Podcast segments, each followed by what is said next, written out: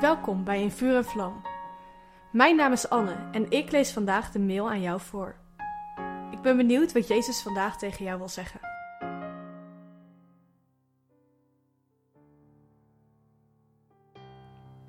In het verhaal van Marcus 5 lezen we hoe Jezus rondtrekt om mensen over het koninkrijk van God te vertellen en dat koninkrijk te demonstreren.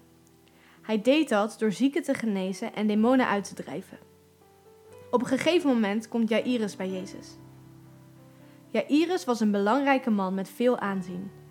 Alleen er vond een grote crisis plaats bij Jairus thuis. Zijn dochter was namelijk doodziek, ze lag op sterven.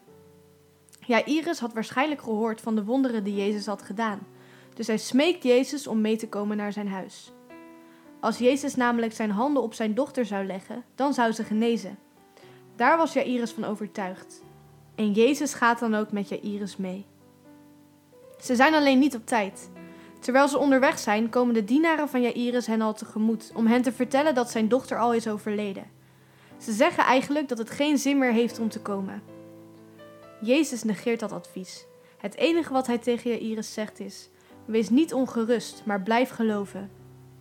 Op het moment dat ze bij het huis aankomen, treffen ze daar aan wat je zou verwachten bij een huis waar een jong meisje is overleden. Mensen huilen, schreeuwen en ze zijn kapot van verdriet. Op dat moment lijkt Jezus niet echt pastoraal. Hij vraagt zich af waar dat gejammer en gehuil nu eigenlijk voor nodig is. Het kind is volgens hem niet gestorven, ze slaapt alleen.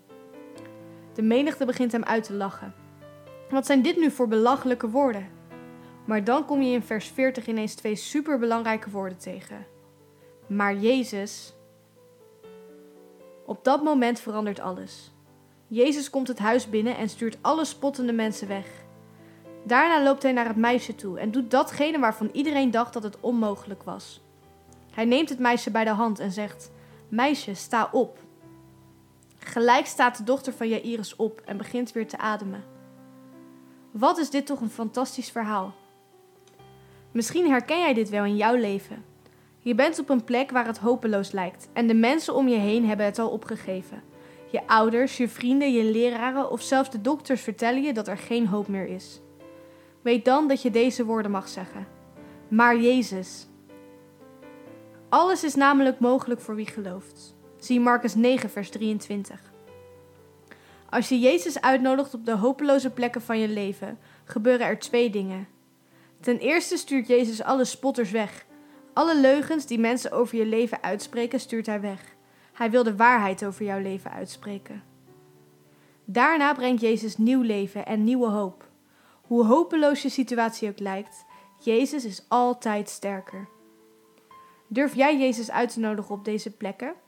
Zing dan dit mooie lied van Mosaic Worship over Jezus' overwinning met me mee.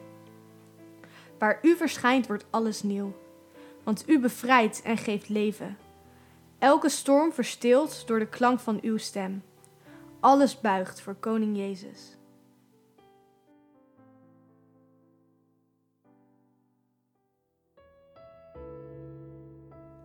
Wat leuk dat je hebt geluisterd naar In Vuur en Vlam.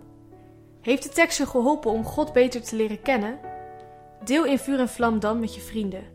Meld ze aan op streef.nl slash in vuur en vlam.